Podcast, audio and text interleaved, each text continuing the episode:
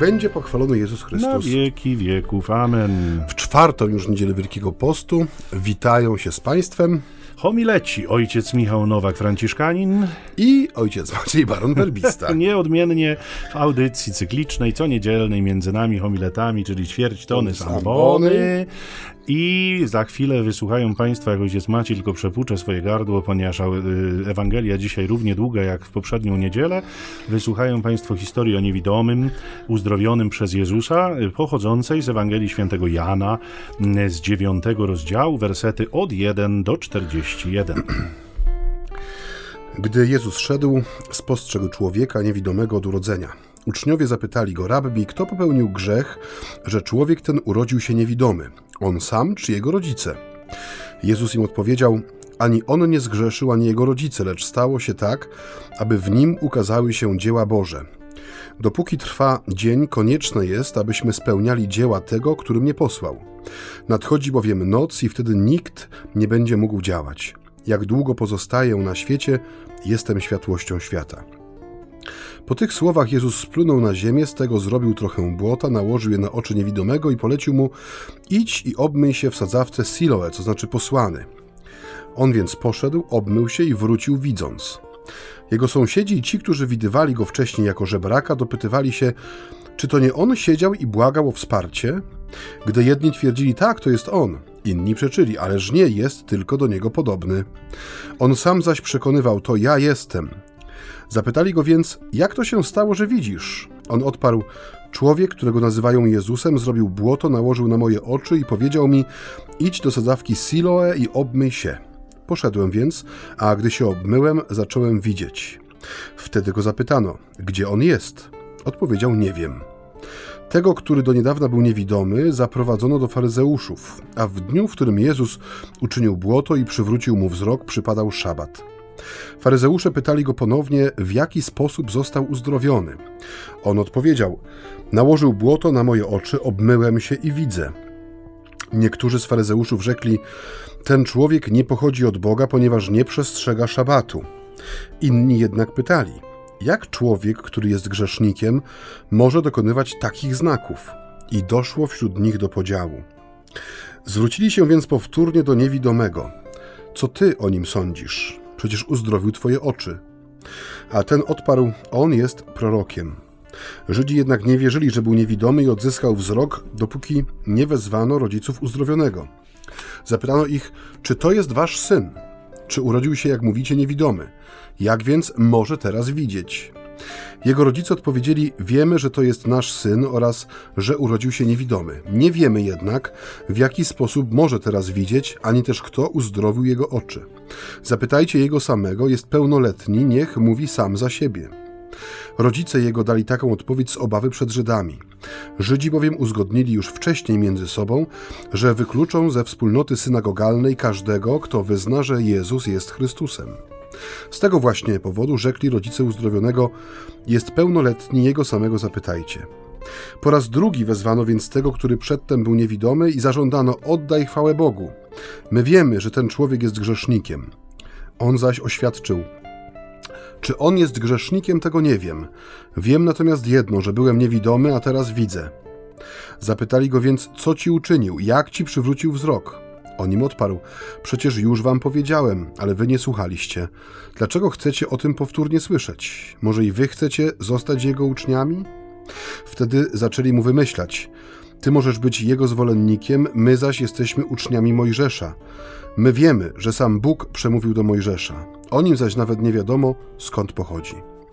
Na co odpowiedział im ów człowiek: Dziwne to, iż nie wiecie skąd pochodzi, a przecież przywrócił mi wzrok. Wiemy zaś, że Bóg nie wysłuchuje ludzi grzesznych, natomiast wysłuchuje każdego, kto jest pobożny i pełni jego wolę. Dotychczas nie słyszano, aby ktoś przywrócił wzrok niewidomemu od urodzenia. Gdyby więc on nie pochodził od Boga, nie mógłby niczego dokonać. Wtedy dali mu taką odpowiedź: Urodziłeś się pogrążony w grzechach i ty chcesz nas pouczać? Po czym wyrzucono go precz. Jezus dowiedział się, że go wyrzucono, gdy więc go spotkał, zapytał: Czy wierzysz w syna człowieczego? On zaś powiedział: A kto to jest, panie, abym w niego wierzył? Wówczas Jezus oświadczył: To jest ten, którego zobaczyłeś i który z tobą rozmawia. Na co on rzekł: Wierzę, panie, po czym oddał mu głęboki pokłon. A Jezus powiedział: Przyszedłem na ten świat, aby sądzić. Ci, którzy nie widzą, odzyskają wzrok. Ci zaś, którzy widzą, staną się ślepcami. Kiedy usłyszeli to, niektórzy faryzeusze obecni przy nim zapytali: Czy my też jesteśmy ślepi? Jezus im odpowiedział: Gdybyście byli niewidomi, nie mielibyście grzechu. Ponieważ jednak teraz stwierdzacie, widzimy, pozostajecie w grzechu. Tak, to teraz ojciec się wyczerpał nieco poprzez to czytanie tutaj nam Słowa Bożego. Muszę na chwilę spocząć. Tylko nie ojciec nie zaśnie, proszę. Y, zauważcie Państwo, że w pierwszą niedzielę Wielkiego Postu mówiliśmy o tym, że nasz entuzjazm ma to do siebie, że y, trochę spada z czasem, że początki mamy często dobre, na zasadzie, y, no, jestem dzisiaj u początku, mam przekonanie, że będę góry przenosić. Po kilku tygodniach mówimy, a niech te góry zostaną tam, gdzie są, po co je przenosić tak naprawdę. I ja sobie tak myślę, że kiedy już przekroczyliśmy tu połowę Wielkiego Postu, to ta Ewangelia nam dzisiaj bardzo bardzo ładnie obrazuje takie zmaganie, które może stać się naszym udziałem. Ta Ewangelia, nie wiem czy Państwo macie takie wrażenie, ale mnie ona męczy. Nie, nie przez swą treść, tylko jakby przez te wydarzenia, które tam się tak dokonują jedne po drugim i one jakby mm, mają taki charakter pewnego y, ciągłego powtarzania, pewnej takiej... Mm, y, Jak krowie na granicy. Dokładnie i pewnej takiej męczącej uciążliwości, która y, trochę mi przypomina organizację referendów we współczesnej Europie nie? To znaczy faryzeusze przepytują tego człowieka na okoliczność i czekają, aż w końcu powie to, co oni chcą usłyszeć, więc tu jak te referenda, róbmy je do skutku, aż będzie wynik, który nas zadowoli, a nie taki, który tam ewentualnie ludzie nam wysmażyli w tych e, referendalnych odpowiedziach. E, tutaj w tej Ewangelii też to trochę tak pobrzmiewa, więc myślę sobie, że ten cały taki męczący właśnie wydźwięk tej Ewangelii, on bardzo ładnie się komponuje z czwartą niedzielą Wielkiego Postu, kiedy już wszyscy jesteśmy odrobinę znużeni tymczasem, kiedy ten fiolet już nam się opatrzył, kiedy te gorzkie żale już wybrzmiały po trzykroć w naszych uszach, dzisiaj wybrzmią po raz czwarty, to znaczy wrócimy do pierwszej ich części, kiedy już w drodze krzyżowej pewnie mieliśmy okazję wziąć udział, kiedy być może już wybrzmiały rekolekcje w naszym parafialnym kościele, tudzież w innej internetowej szkatułce, którą otworzyliśmy sobie na ten czas i tak naprawdę być może mówimy sobie, już mógłby się ten wielki post skończyć. A tutaj Pan Jezus przychodzi dzisiaj z takim fascynującym uzdrowieniem, które rozpoczyna się od pewnej kontrowersji, z którą Jezus zmagał się właściwie przez całą swoją publiczną działalność. On zgrzeszył, czy jego rodzice zgrzeszyli? Bo przecież zupełnie oczywiste dla pobożnego Żyda było, że jeżeli ktoś jest chory, a jeszcze cierpi na przewlekłą chorobę, chorobę nieuleczalną, chorobę, która odbiera mu jakąś sprawność, choćby właśnie wzrok, jeden ze zmysłów, no to oczywistym dla Żyda było, że ten człowiek Bożego błogosławieństwa nie ma. To znaczy zostało mu ono cofnięte, a jeżeli zostało cofnięte, no to musi być powód. Tym powodem był rzecz jasna grzech.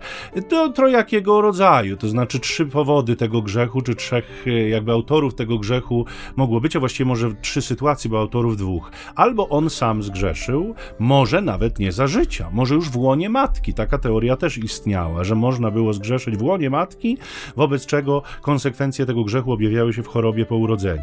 Ale mogli również zgrzeszyć jego rodzice i ten grzech miałby przejść na ich dziecko, co jakoś tak w sposób szczególny stało się popularne w ostatnim czasie chyba w naszym kościele, e, te tak zwane grzechy międzypokoleniowe, które próbowano mm, omadlać. Trochę episkopat położył temu kres. Ja myślę, że e, e, odrobinę tam za często używano pewnego skrótu myślowego, bo pewnie myślano trochę o konsekwencjach grzechów przodków, które w istocie no, mogą się w następnych pokoleniach objawiać, choćby mm, kiedy patrzymy na przykład na alkoholizm, rodziców czy dziadków, no to wiemy, że jego brzemię noszą częstokroć dzieci czy wnuki, ale no mniejsza o to, bo nie chcemy o współczesnej sytuacji mówić tylko o słowie. Jezus bardzo jasno takiemu modelowi stawiania sprawy się sprzeciwiał i dzisiaj to wybrzmiewa po raz kolejny. Męcząca Ewangelia w tym sensie, że, że ta pewna powtarzalność i to napięcie, które my tam wyczuwamy, bardzo silne napięcie między Jezusem a tymi, którzy stoją już bardzo mocno po przeciwnej jego stronie, faryzeuszami, którzy szukają sposobów, w jaki można by go zdyskredytować i usunąć ze sceny. Dla nich chyba jednak politycznej, mniej religijnej, a jednak politycznej. I mamy człowieka y, uzdrowionego, który trochę między młotem a kowadłem. W ogóle taki duży zamęt w tej Ewangelii jest, ja nie wiem, czy ty to zauważasz, że jakby... Mm, y, ja się jeszcze regeneruję. Tak, rozumiem, że, że zmieniają się jakby miejsca. Y, tu ani on, y, ani rodzice jakby nie, nie mogą powiedzieć prawdy, że, że tu, znaczy on mówi prawdę, ale nie, nie zna jej do końca, bo nie zna swojego uzdrowiciela tak naprawdę, nie wie, co się wydarzyło, poza tym, że widzi w tej chwili. To jakby cały szereg niedomówień, jakaś taka, powiedzielibyśmy kolokwialnie, komedia pomyłek, która się tam dokonuje, ale napięcie tak naprawdę wzrasta, solidnie wzrasta. Mm -hmm. Mnie się jeszcze tutaj e, rzuca w oczy to, jak bardzo zero-jedynkowy system mają faryzeusze. Zauważ, że przecież gdyby mieli odrobinę chociaż otwartości, czy odrobinę takiej dojrzałości też w wierze, która ich... E, no, kształtuje ich postrzeganie świata, ich właśnie rozumienie chociażby choroby, to daliby trzecią e, opcję, trzecią możliwość. A tutaj, jak to mówią e, łacinnicy, tertium non datur. Mhm. Nie ma trzeciego rozwiązania. Jest pytanie e, wykluczające. Kto zgrzeszył? On czy jego rodzice? I tutaj nie ma możliwości już na żadną inną interpretację tego wydarzenia. I Zauważmy, że tutaj nie, nie, ma, nie, ma, nie mamy do czynienia z jakąś prowokacją. To nie jest tak, że faryzeusze znaleźli człowieka niewidomego i przyprowadzili go do Jezusa, tylko Jezus spostrzegł człowieka. Nie? Tylko on, on go wyławia e, z tłumu. Jak zawsze tu ma, mamy jak gdyby znowu to takie bardzo celowe działanie Jezusa, który widząc jakąś większą społeczność, przemawia do niej przez jak gdyby przykład jednego człowieka. On nie zarzuca swojej sieci na tłum, w którym są i faryzeusze, i pewnie saduceusze, i uczeni w prawie, i może jest ktoś, kto powątpiewa o takiej zero-jedynkowej interpretacji świata. Nie, on stawia jednego człowieka, znów troszeczkę jak przed lustrem, i ten człowiek wobec niego odzyskuje swoją prawdziwą twarz, godność, no i przy okazji y, y, nieposiadany wcześniej od urodzenia zmysł, jakim jest zmysł wzroku. Czyli zostaje mu przywrócony kontakt ze światem, ten najbardziej podstawowy, bo o ile na przykład brak słuchu no jest jakimś upośledzeniem, y, ale nie wyłącza mnie z, z, z życia, z pracy, z przemieszczania się, czy chociażby schodzenia do świątyni, to już jednak utrata wzroku sprawia, że stajesz się no, bardzo zależny od, od drugiego człowieka człowieka. I, ty, i no to dokonuje się rzecz wielka. W tym sensie, że ten człowiek zostaje uzdrowiony w sposób taki bardzo, podobno z tego co czytałem, bardzo typowy też dla uzdrowicieli wędrownych, czyli właśnie to owo mało takie mm, estetyczne, estetyczne apetyczne błoto uczynione ze śliny. Mm. Więc był to taki gest, który na pewno sam gest ich nie zaszokował, bo gest był dosyć taki znany, jeżeli, jeżeli chodzi o uzdrowicieli. Ale efekt tego, mm, e, tego działania jest no na pewno e, nieco odmienny niż w większości przypadków. Zresztą potwierdzają to sami e, tutaj bohaterowie tej Ewangelii, że nie zdarzyło się jeszcze, żeby ktoś przywrócił wzrok niewidomemu od urodzenia. Być może zdarzały się jakieś, nie wiem, czy uleczenia, czy uzdrowienia na skutek różnego rodzaju zabiegów z częściowej ślepoty, czy jakiejś katarakty, czy zaćmy, ale od urodzenia ktoś, kto był niewidomy, nie odzyskał, czyli potwierdzają niejako autentyczność tego znaku. I, ale tutaj jak gdyby nawet to, taki potężny y, y, wstrząs, że tak powiem, tym światem no, przyrodzonym, nie sprawia w tych, którzy stoją, tak jak mówisz, już bardzo mocno po drugiej stronie barykady, nawet szczeliny. Nie ma to, to światło, że tak powiem, Chrystusa, nie ma nawet tej szczeliny, żeby się mogło gdzieś tam przedostać i coś tam w tych ludziach rozświetlić. Tam jest absolutny beton, zamknięcie się. I to jest też trochę, y, bo ty mówisz, że nie, nie chcemy mówić o sytuacjach współczesnych, tylko o słowie, ale mnie zawsze to słowo tak jak mówię, no niesamowite jest to, że przy takim głębszym spojrzeniu, czy takiej dłuższej medytacji nad tym słowem, jak bardzo ono się staje historią naszego, naszego świata, naszego dzisiaj. Y, y, że dzisiaj się wydaje, że żyjemy w tak pluralistycznym świecie, z tak wielką ilością możliwości, opcji i tak dalej, ale chyba jeszcze nigdy bardziej człowiek nie był właśnie taki zapieczony na tych swoich zero-jedynkowych pozycjach. Wystarczy już, żeby nie, nie, nie rozpoczynać nowego wątku, y, spojrzeć na taką kwestię jak, no, no chociażby kwestie polityczne.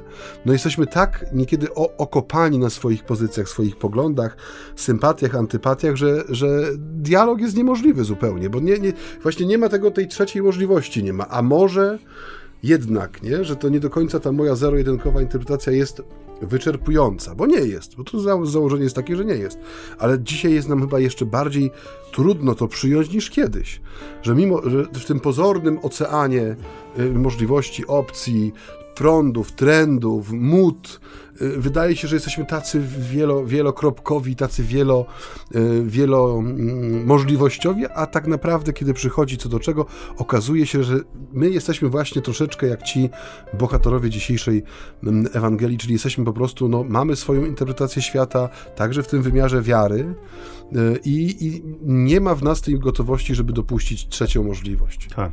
Ja pewnie mm, wypowiedziałem się odrobinę nieprecyzyjnie. Nie chciałem powiedzieć, że nie będziemy się w ogóle, czy nie zajmujemy się w ogóle współczesnymi sprawami. Ja słowem. wiem, że nie chciałeś. Nie, nie, ja tylko tak sobie pomyślałem, że mogliby też nasi słuchacze nie do końca e, właściwie moje intencje zrozumieć. Natomiast raczej chciałem powiedzieć, że właściwie u początku nie należałoby się jeszcze tymi sprawami zajmować, bo trzeba by najpierw je oświetlić słowem czyli najpierw sięgnąć do słowa, dopiero potem przejść do, do rzeczywistości współczesnych, bo słowo zawsze ma oświetlać naszą współczesność. Takie jest jego też zadanie, które Pan Bóg mu wyznacza i nam wyznacza jako jego czytelnikom, więc tutaj doprecyzuję tylko, co miałem na myśli w skrócie myślowym, którego tutaj Ślicznie, użyłem.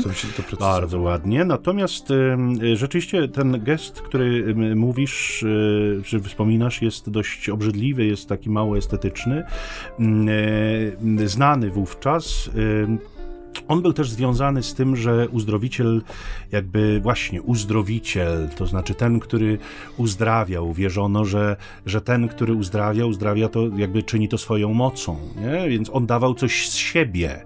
E, no i to była najczęściej właśnie ślina, to był jakiś element jego, jego e, jestestwa, jego obecności, mm, e, wobec czego tutaj ten gest nie jest taki obcy, tak jak powiedziałeś, tym, którzy go, go widzą, natomiast dla samego chorego, wiecie Państwo, to jest chyba trochę tak, jeżeli spotykacie chorych, to wiecie, takich naprawdę ludzi cierpiących i chorych, oni niejednokrotnie mówią, że człowiek jest skłonny wiele znieść, znieść, żeby tej swojej choroby się pozbyć, czy znaleźć w niej ulgę, zwłaszcza kiedy cierpi z jej powodu, zwłaszcza kiedy ona mu bardzo doskwiera. Więc myślę, że dla samego niewidomego ten gest być może szokujący w pierwszym momencie, bo on nie widział, co się dzieje, e, ale potem, kiedy się obmył i przejrzał, no sam gest stracił dla niego zupełnie na znaczeniu, w sensie takim, że już nie miało absolutnie znaczenia, czy to było obrzydliwe, czy mniej obrzydliwe, czy bardziej estetyczne, czy mniej estetyczne liczył się ten efekt końcowy, którym było odzyskanie przez niego wzroku, dzięki czemu mógł mm, widzieć. Ale to wzbudza takie ogromne, ogromne e, kontrowersje nie? między tymi faryzeuszami, którzy właściwie nie mogą dojść do ładu. Nie? Ta kwestia, czy to jest z Boga, czy to nie jest z Boga, e, jakby między nimi się pojawia, ta dyskusja się pojawia i to, co powiedziałeś przed chwilą, że, że tam właściwie się nie dopuszcza trzeciej drogi. Oczywiście, że oni są zabetonowani w swoich mm, e, założeniach, które z góry czynią i właściwie próbują tylko dowieść swojej tezy, w, w, w żadnym wypadku nie będąc otwartymi na, na inne głosy, ale chyba popełniają pewien drobny błąd, który się na nich za chwilę zemści. To znaczy, oni go zduszą ostatecznie, ale pytają tego człowieka, co on o tym wszystkim sądzi. I tu jest taka mała wyrwa w tym murze, bo jeżeli pozwala się przemówić świadkowi, człowiekowi, który nie jest relatorem, my odróżniamy świadka od relatora, nie? Bo relator to jest owszem ktoś, kto może uczestniczyć w wydarzeniu, ale kogo to wydarzenie bezpośrednio nie dotyczy. Widział, y, może opisać, jego opis będzie y, powiedzmy bardziej suchy, mniej emocjonalny, bo to nie jego sprawa do końca. Natomiast świadek to jest człowiek, który przeżył, był uczestnikiem i brał w tym udział, nie? więc on, jego opowieść będzie zupełnie inna. Więc kiedy oddaje się głos świadkowi, to w istocie zachodzi takie niebezpieczeństwo, jak zaszło w tym momencie, że ta koncepcja faryzeuszy zaczęła się trochę chwiać, że y, tak naprawdę naprawdę zdali sobie chyba dość szybko sprawę, że jeżeli e, nie stłamszą, nie zduszą tego świadectwa owego człowieka w zarodku, to może to przynieść konsekwencje, które zupełnie są im nie po drodze, zupełnie nie są zamierzone przez nich, więc e, tak no, reagują bardzo typowo, e, no. czyli, że tak powiem, no, zamykają gębę temu, który, który ma coś do powiedzenia. To jest ciekawe, mnie się wydaje, kiedy teraz, kiedy to czytałem, dla Państwa tutaj na antenie i dla nas w studiu, odniosłem wrażenie, że e, faryzeusze są przedstawieni jako ci, którzy byli bardzo pewni swojej pozycji, bo jak mówi ewangelista, oni wcześniej już y, wydali pewne obostrzenia, to znaczy y, założenia, że kto uzna, że Jezus jest wyczekiwanym Mesjaszem, wy, wykluczony będzie ze wspólnoty synagogi. No więc no jest to dla Żyda y, pozbawienie się dostępu do najbardziej, że tak powiem, witalnego elementu jego religijności, czyli wykluczenie z tej wspólnoty, którzy mają prawo spotykać się, by słuchać Słowa Bożego, by uwielbiać Pana Boga. No więc chyba liczyli, liczyli na to, że, postawi, że ten człowiek jakoś, tak jak mówisz, jako świadek, nie tylko jako sprawozdawca jakiś, że on po prostu zmięknie wobec ich tak. mocy, autorytetu czy władzy, a tu okazuje się, że no facet staje przed nimi i odpowiada na pytanie, które mu stawiają, nie patrząc niejako mm -hmm nie patrząc e, nomen omen, ale widząc już na potencjalne konsekwencje tego, co tak, tak jak mówisz, że, że no, wypuszczają, e, wypuszczają to słowo na wolność, dają mu no, możliwość oddziaływania. I widzi, tak jak mówisz, i widać ten lęk, tą panikę wręcz, że, że słowo człowieka dotkniętego przez Chrystusa, no, czyli powiedzmy dobra nowina, ona jest jak, no, jak wypuszczony dziki zwierz, ona już tak. jest nie do zatrzymania, nie do poskromienia i tutaj tutaj trzeba wielkiej przebiegłości, no i też wielkiej zaciekłości, żeby jak gdyby upchnąć to z powrotem w klatce, nie? żeby już nie stanowiło żadnego zagrożenia, no dla nich, bo tu nie chodzi o Bożą sprawę, bynajmniej, bo tak jak powiedziałeś, ja myślę, że tu bardziej jest agenda taka polityczna, tak czy ewentualnie lęk przed y, utratą pewnego status quo, które się wypracowało między y, powiedzmy rzymskim najeźdźcą, y, elitami Izraela, a, a, a, a resztą społeczności? I utrata tego, czy jakiś niepokój, który Rzymianie lubili topić we krwi, no na pewno też był jakimś tutaj argumentem kontra w sensie, żeby nie, nie pozwolić na, na jakiekolwiek tutaj wzrastanie jakiegoś kultu czy nowej, nowej pobożności, czegokolwiek oni tam się obawiali. Tak, no do tego terroru wrócimy może po krótkiej przerwie, e, która pozwoli nam trochę odbarczyć napięcie, bo jak powiedziałem, ta Ewangelia je rodzi.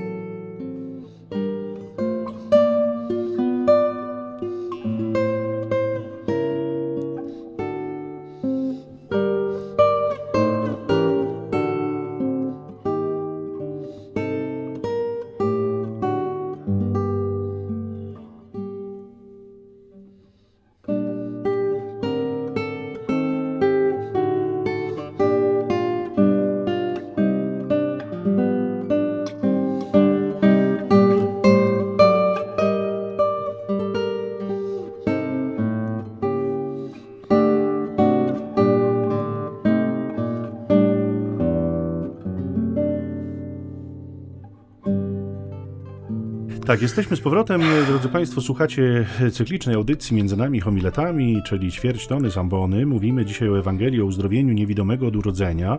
Wstrząsający cud, który nie mieści się w głowie faryzeuszom.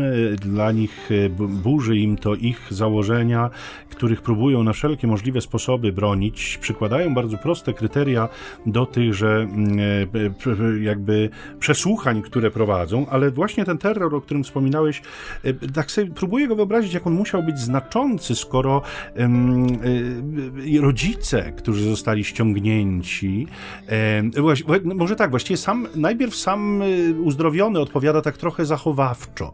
To, to jest świadectwo, on mówi, co się wydarzyło, ale co ty o nim myślisz? No, jest prorokiem, nie? No, nie daj Bóg odpowiedzieć, że jest kimś więcej, bo, bo rzeczywiście mogłoby to się źle skończyć. Jest prorokiem, no to jest takie, powiedzmy sobie, już ryzykowne, ale jednak jeszcze w jakichś tam granicach. Natomiast jego rodzice już w ogóle boją się cokolwiek powiedzieć, dają tylko świadectwo o tym, że ów człowiek rzeczywiście był niewidomy od urodzenia, a właściwie stosują taką psychoterapię stosowaną jego pytajcie. W twoim tłumaczeniu jest pełnoletni. Ja bardzo jestem ciekaw, nie, nie wiem, kiedy pełnoletność się osiągało w Izraelu. Dlatego te tłumaczenie nie bardzo mi się podoba, bo ono rodzi dodatkowe jakby pytania zupełnie niepotrzebne. Kiedy czytamy, że jest dorosły, jego pytajcie, no to wiemy, że jest dorosły, że nie jest dzieckiem. A pełnoletni, to teraz się zastanawiam, kiedy ta pełnoletność w Izraelu. No ale nie zmienia to faktu, że człowiek jest dorosły, więc rodzice spychają na niego odpowiedzialność za to, co się wydarzyło. Oni chcą jakby pozostać z boku, oni nie chcą się angażować, oni sami nie widzieli cudu, oni się rzeczywiście boją przywódców ludu.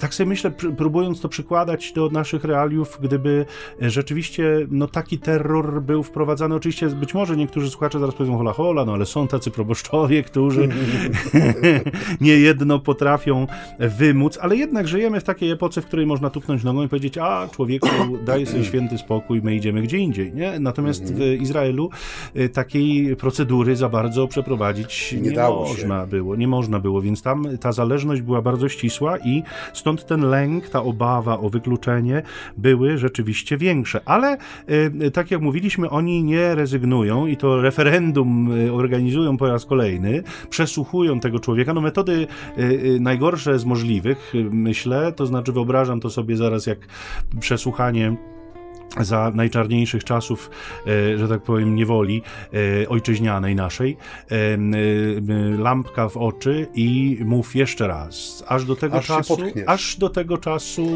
aż powiesz to, czego my rzeczywiście chcemy, czy co chcemy usłyszeć od ciebie. Więc co ciekawe, ja myślę sobie, że ten uzdrowiony człowiek, on doskonale wyczuwał to zakłopotanie, o którym też mówiłeś przed chwilą, że, że ci faryzeusze nie bardzo wiedzą, jak sobie z tym poradzić, bo na pewnym etapie tych przesłuchań on zaczyna po prostu z tych ludzi drwić, nie? On sobie pozwala na coraz więcej, jakby oni to zresztą widzą i za chwilę będzie bardzo ostra reakcja na to, ale on rzeczywiście zaczyna, to jest w ogóle fenomen, bo on przeprowadza takie bardzo logiczne rozumowanie, nie? Ja, czy jest grzesznikiem, to nie wiem, ale wiem, że mi oczy otworzył, byłem niewidomy, teraz jestem widzący, dla mnie to jest proste, nie? To jest proste rozumowanie człowieka, który doświadczył łaski, doświadczył czegoś, czegoś, ma to w ręku, patrzy na to, dosłownie tutaj rzecz mówiąc, e, rzecz ujmując, e, ma, ma coś, co, co go absolutnie przekonuje, nie potrzebuje żadnego innego dowodu, natomiast nie e, jest w stanie przekonać tychże, którzy próbują ze wszech miar mu zabrać to, co,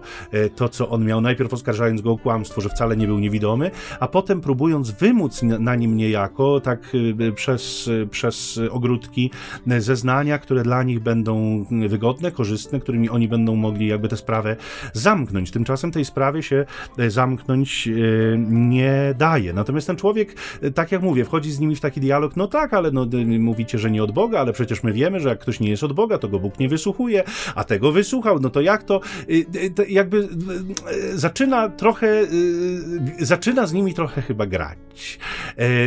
No, ale to się im nie może podobać, nie? To się im nie może Nie podoba im się to na pewno, ale też słuchając Twojego wywodu, moje myśli powędrowały ku takiej znowu bardzo współczesnej sytuacji, bo dzisiaj bardzo dużo mówi się o tym powszechnym powołaniu nie tylko do świętości, ale do apostolstwa. I ja zawsze z taką wielką czułością myślę o tych wszystkich ludziach, którzy też często przechodzą przez konfesjonał, czy, czy w ogóle proszą o jakąś tam y, duchową poradę. Najczęściej są to kobiety, które podejmują trudu ewangelizowania własnych rodzin, czy przyciągania ich bliżej Pana Boga, y, czy to swoich mężów, czy to swoje dzieci dorosłe, które gdzieś tam po drodze zatraciły się na tej, y, w tej relacji z Panem Bogiem i stał się on albo zbędny, albo niepotrzebny zupełnie, albo nawet jakoś tam traktowany wrogo, bo są takie sytuacje. I to też pokazuje, jak bardzo trudno jest, y, jak bardzo trudno przekazywalne jest doświadczenie łaski, nie? Że mm, tak jak mówisz, tu jest też ciekawy, ciekawie mm, Jan to pokazuje, jak on ów uzdrowiony, niewidomy od urodzenia, w jaki sposób e, rozwija tą swoją postawę, w sensie staje, staje się coraz bardziej śmiały, ale z drugiej strony pokazuje też dramat człowieka, który no, doświadczył czegoś dobrego, tak jak mówisz, doświadczył łaski i ma się tym podzielić z drugim człowiekiem. Ma go może nie tyle przekonać do prawdziwości swojego doświadczenia, tylko y, pokazać mu, że to jest możliwe, że Pan Bóg działa, że dokonało się coś, co po ludzku y, rzecz biorąc nie mogło się dokonać, w sensie no, błoto nie ma właściwości usuwania ślepoty, a, a tutaj przez ten znak dokonał się cud jak trudno jest to, jak trudno być takim apostołem w, tym środowisku, do którego jesteśmy posłani, czy to jako, e, nie wiem, krewni, przyjaciele, rodzina, że no, e, do, e, samo świadectwo życia, owszem, ono jest, ma swoją moc, ma swoje właściwości takie przyciągające, ale kiedy masz konkretne sytuacje, w których chcesz na przykład słowem przekazać, czym dla ciebie jest wiara, kim dla ciebie jest Pan Bóg, w jaki sposób Pan Bóg przemienia Ciebie, działa w Twoim życiu, co Ci daje to, że, że na przykład chodzisz do kościoła w każdą niedzielę, czy nawet częściej. Często właśnie tym takim podstawowym zarzutem jest to, że spotykają się z kpiną, nie? że no właśnie. Już, już, to, że być prorokiem we własnej ojczyźnie jest trudno, to już jest ze słów naszego Pana wiadomo, ale tu jak tego się doświadczy na własnej skórze, a jeszcze właśnie w tym czasie, kiedy no jest wielka potrzeba tego świadectwa, bo tego nie można zanegować, że dzisiaj e, te słowa mm, o tym, że świat potrzebuje e, świadków, a nie nauczycieli, a nauczycieli o tyle, o ile są świadkami, no są bardzo prawdziwe, nie? Bardzo prawdziwe. I to też pokazuje, że ten Wielki Post, on nam do, otwiera i dotyka e, takie bardzo istotne zagadnienia w takim takim naszym życiu, nie tylko wielkopostno-pokutnym, ale w ogóle w życiu chrześcijańskim dziś. A to, co powiedziałeś, używając słowa kpinę, ja myślę, że ta Ewangelia nam pokazuje y, y, kolejny krok. To już nie jest kpina.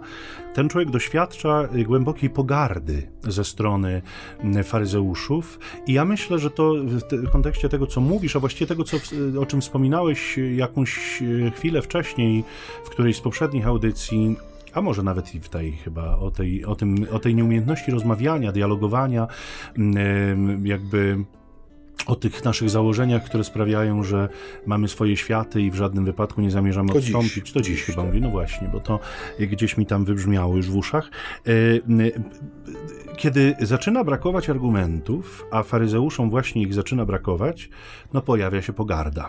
I to, myślę, współcześnie jest bardzo widoczne, to już nie tylko wśród gadających głów w telewizorze, kiedy rzeczywiście właściwie bardzo szybko się po to narzędzie sięga, ale też w naszych domach, w naszych rodzinach, kiedy e, wujek potrafi skończyć rozmowę, a co ty tam gówniarzu możesz wiedzieć o życiu, nie? To już jest koniec rozmowy, bo przecież ekspert wujek się już wypowiedział i ty tam możesz ewentualnie wujka posłuchać i, i skorzystać z jego wybitnej mądrości, nie? Ale to takich sformułowań jest więcej. Co ty możesz wiedzieć? Ja mam doktorat, co ty możesz wiedzieć, mając zaledwie magisterium, nie? To mhm. są te, te różne sformułowania, które czasem cisną się na usta, kiedy zaczyna brakować argumentów, pojawia się pogarda.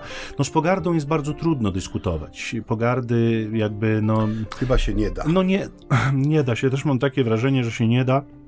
I w zasadzie chyba wtedy y, należy zakończyć dyskusję i, i, zostawić to tak, jak jest, dlatego że zwłaszcza jeżeli się pojawiają takie mm, argumenty ad personam, e, czyli takie właśnie uderzające we mnie, już nie rozmawiamy na meta poziomie o problemie, tylko zaczynamy w siebie walić wzajemnie jakimiś tam niepotrzebnymi uwagami, no to w tym momencie y, rzeczywiście dyskusja traci sens, bo my do niczego nie dojdziemy, poza tym, że skończymy na niechęci i wzajemnie wzajemnych animozjach, które, które zostają w nas. Nie ranimy się zupełnie niepotrzebnie.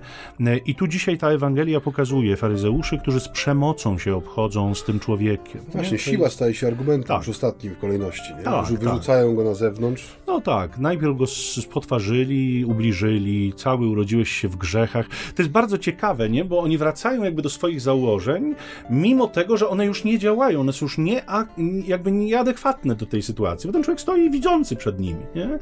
E, więc jakby twierdzenie, że jest grzesznikiem, e, bo nie widzi, no nie ma żadnego punktu stycznego z jego życiem dziś, nie? A to, że odzyskał wzrok, to bardzo mocno y, chwieje tą teorią odebrania błogosławieństwa przez chorobę, czy w, w kontekście choroby.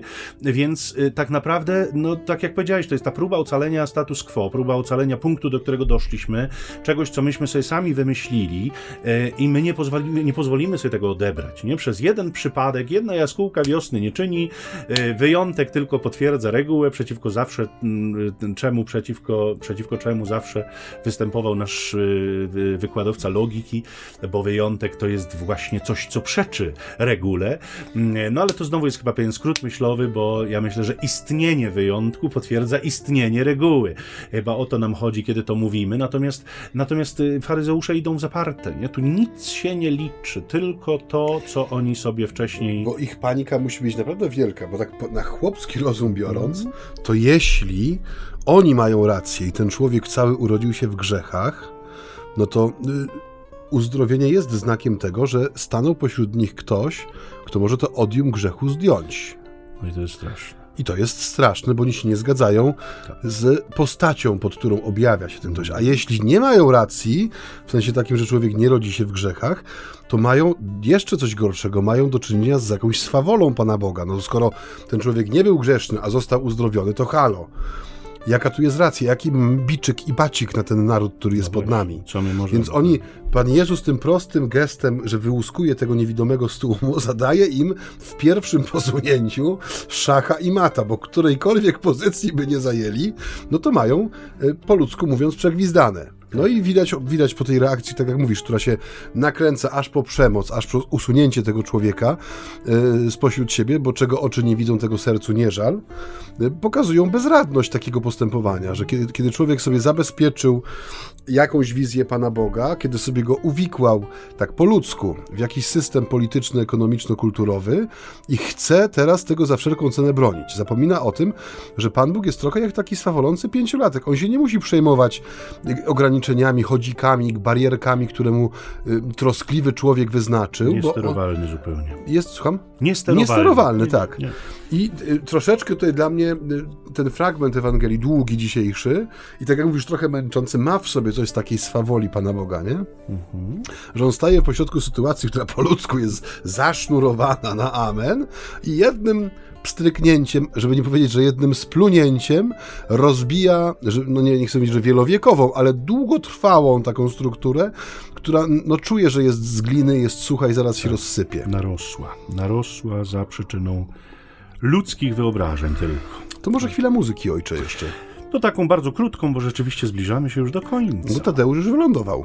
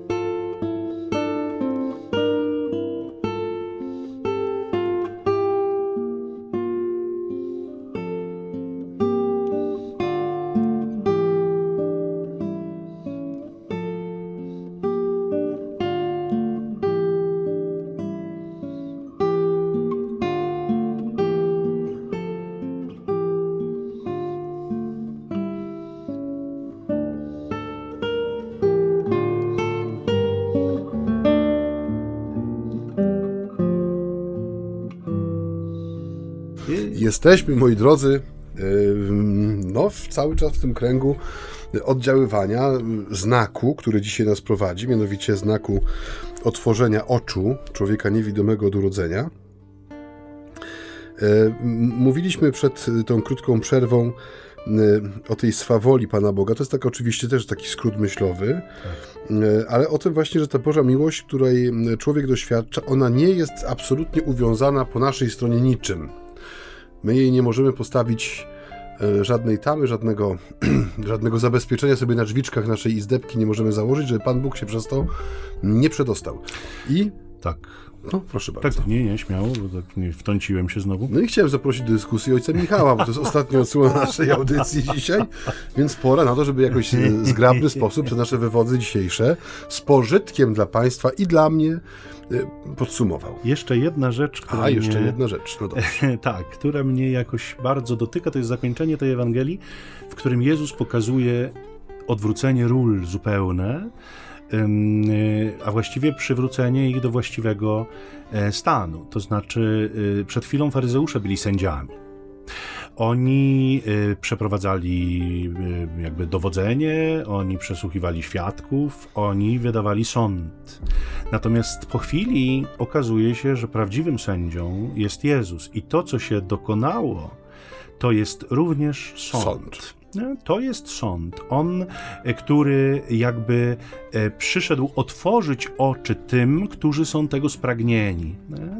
E, ta, ta piękna myśl, w której jakby faryzeusze pytają, czy my też jesteśmy niewidomi, Jezus mówi, no mój Boże, jesteście i będziecie w domyśle. Sami żeście odpowiedzieli Dla, na to Dokładnie, pytanie. dlatego, że, że twierdzicie, że widzicie. Nikt was od waszej ślepoty nie może uwolnić, ponieważ w tej ślepocie uznajecie, że jesteście wszystko widzącymi.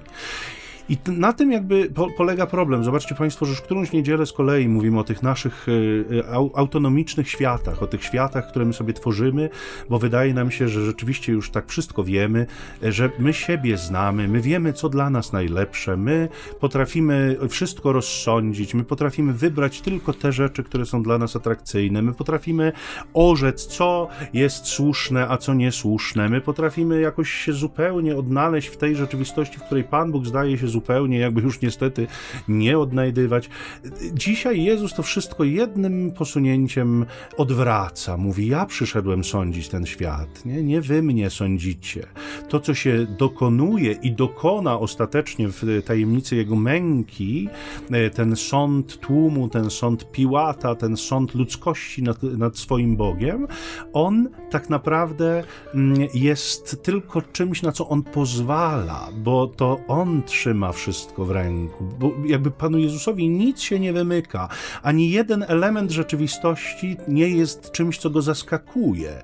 On się jakby nie znajduje w sytuacji, w której coś jest nieprzewidywalne, coś może go zaskoczyć tak, że on nie będzie wiedział, co zrobić. Nie.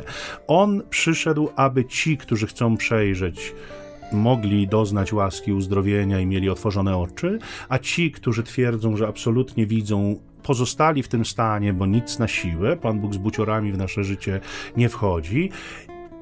Jest to dar łaski, dar łaski, który się rozpoczyna z przyjściem Chrystusa i który trwa do dziś My jesteśmy w tym samym czasie łaski, gdy nadeszła pełnia czasu, tak zesłał Bóg swego Syna zrodzonego z niewiasty, zrodzonego pod prawem, aby wykupił tych, którzy podlegali prawu. My jesteśmy ciągle w tym czasie, który się kiedyś skończy, nie wiemy kiedy, aczkolwiek ja mam taką osobistą teorię, że już całkiem niedługo chyba. E, to oczywiście jest moja teoria, nie nauczanie Kościoła, żeby Państwo mieli tu pełną świadomość. E, nie wiemy, kiedy się ten czas skończy, ale my cały czas jesteśmy w e, etapie decyzji. Nie? To od nas zależy, czy uznamy się za wszystko widzących i staniemy po stronie faryzeuszy i powiemy, Panie Jezu, mylisz się, ja wiem lepiej, e, nie interesują nas nowinki, jestem synem Mojżesza, nie chcę mieć tutaj wiele wspólnego z tymi, z tą swoją, twoją swawolą, o której ty mówisz, używając takiego sformułowania, czy też staniemy po stronie człowieka, który nie widzi, to znaczy uznamy swoją niemoc, swoją bezradność, swoją bezsilność, swoją ludzką kondycję i powiemy oświeć mnie. Oświeć mnie po to, żebym mógł przejrzeć i żebym mógł zobaczyć to, co ty chcesz mi tak naprawdę w tym świecie pokazać, nie? Czy ty wierzysz w Syna Człowieczego, a kim On jest? Ja, który z Tobą mówię, wierzę, Panie. Oby to rzeczywiście stało się udziałem nas wszystkich. To znowu jest kolejna wielkopostna ścieżka, po której prowadzi nas Słowo, nie? Żeby nasza wiara potęgowała się, żebyśmy jakby bielmo z naszych oczu zostawało zdjęte, żeby poddać się mocy uzdrawiającej Jezusa i widzieć ten świat Jego oczami, nie, nie oczami tych, którzy uznają, że rzeczywiście pozjadali wszystkie rozumy i opierają się li tylko na swojej własnej ludzkiej mądrości, bo tak no, było z systemem wierzeń, y, y, do których należał ten fałszywy pogląd, że grzechy rodziców, czy grzechy dziecka w łonie, czy grzechy, tak, tak. Czy, czy są powodem chorób i cierpień. To y, jakby moglibyśmy powiedzieć, że był to element pewnego systemu, który był powiedzmy częścią całego systemu wierzeń Izraela, bo oczywiście wiele z tych rzeczy było bożych i prawych, ale to był element czysto ludzki. Ten element Pan Bóg przyszedł i rozbił w pył. Znaczy, zauważ, zauważ, że bardzo wiele tych właśnie elementów to są te momenty, w których człowiek pragnie sobie pójść na skróty. Tak. Dokładnie tak. Że mierzy się z jakimś wymiarem życia, który wymaga właśnie takiego zawierzenia czy pokornej postawy względem tajemnicy Pana Boga, ale jest pokusa taka, że przecież ja sobie to właśnie mogę no, wytłumaczyć, no, wytłumaczyć inaczej. inaczej. No i wydaje mi się, że takich e, potworków myślowych e, jest bardzo dużo. Tak. E, I dobrze przeżyty Wielki Post, kiedy właśnie sobie weźmiemy na warsztat swoje życie, właśnie stawiając sobie te proste pytania o, o, moją wiarę, czy ona rzeczywiście jest żywa, czy ona jest żywa w tym sensie, że rośnie, ewentualnie maleje, czy może obumiera właśnie, może to będzie diagnoza mojego Wielkiego Postu, że moja wiara obumiera, albo że jestem właśnie takim człowiekiem, który poza własną mądrością czy własnym doświadczeniem nie widzi innych możliwości interpretowania świata. Zero-jedynkowy system. I, i, I tu już jest jak gdyby połowa sukcesu, bo wtedy stajemy w bliskości tego misterium krzyża, które jest takim młotem na wszelkiego tego, tego typu właśnie potworki, konstrukcje, rusztowanka, które sobie budujemy, żeby obejść jakieś trudne miejsca i no, pozwala nam to stanąć w prawdzie, czyli zobaczyć tą światłość, o której dzisiaj Jezus mówi w pierwszej osobie. Jestem światłością świata, dopóki chodzę po tym świecie niewidomy zyskał, a faryzeusze nadal tracą, nadal pod kreską. I oby, oby wszystkim nam się ta światłość Jezusowa udzieliła. Drodzy Państwo, Wielki Post postępuje, jesteśmy już głęboko weń zaangażowani. Życzymy Wam, żeby te mm, pozostałe dni były przeniknięte Bożym błogosławieństwem. To błogosławieństwo na koniec jeszcze wybrzmi. E, kapłańskie. Ojciec Maciej, mam nadzieję, zechce nas pobłogosławić. Natomiast zapraszamy do kontaktu, jak zawsze. Przypomnijmy tylko, że to jest numer telefonu 785 777 100 785 777 100. To jest także internetowy sposób, model na portalu społecznościowym Facebook jest nasza grupa, e, w przyszłości daj Boże strona, która będzie się nazywała tak samo jak nasza audycja, czyli między nami homiletami e, ćwierć tony z ambony audycja. Po wpisaniu pierwszych słów powinna się ukazać miniaturka sugerująca, że są Państwo na dobrym tropie. Można nas także słuchać co prawda bez możliwości kontaktu, ale za to z możliwością właśnie chłonięcia naszych tutaj e, żywiołowych rozmów przez, e, za pośrednictwem serwisu Spotify, platformy Google Podcasts, e, także iTunes. Także zachęcamy, zapraszamy do tych spotkań i też do komentowania, odzywania się. Jest to zawsze bardzo miłe i krzepiące. Bardzo dziękujemy za dziś. Żegnają się z Państwem ojciec Michał Nowak-Franciszkanin i ojciec Maciej Baron Werbisty, który nas pobłogosławi. Teraz. Niech Was błogosławi Bóg Wszechmogący, Ojciec, Syn i Duch Święty. Amen. Pokój dobro. Amen.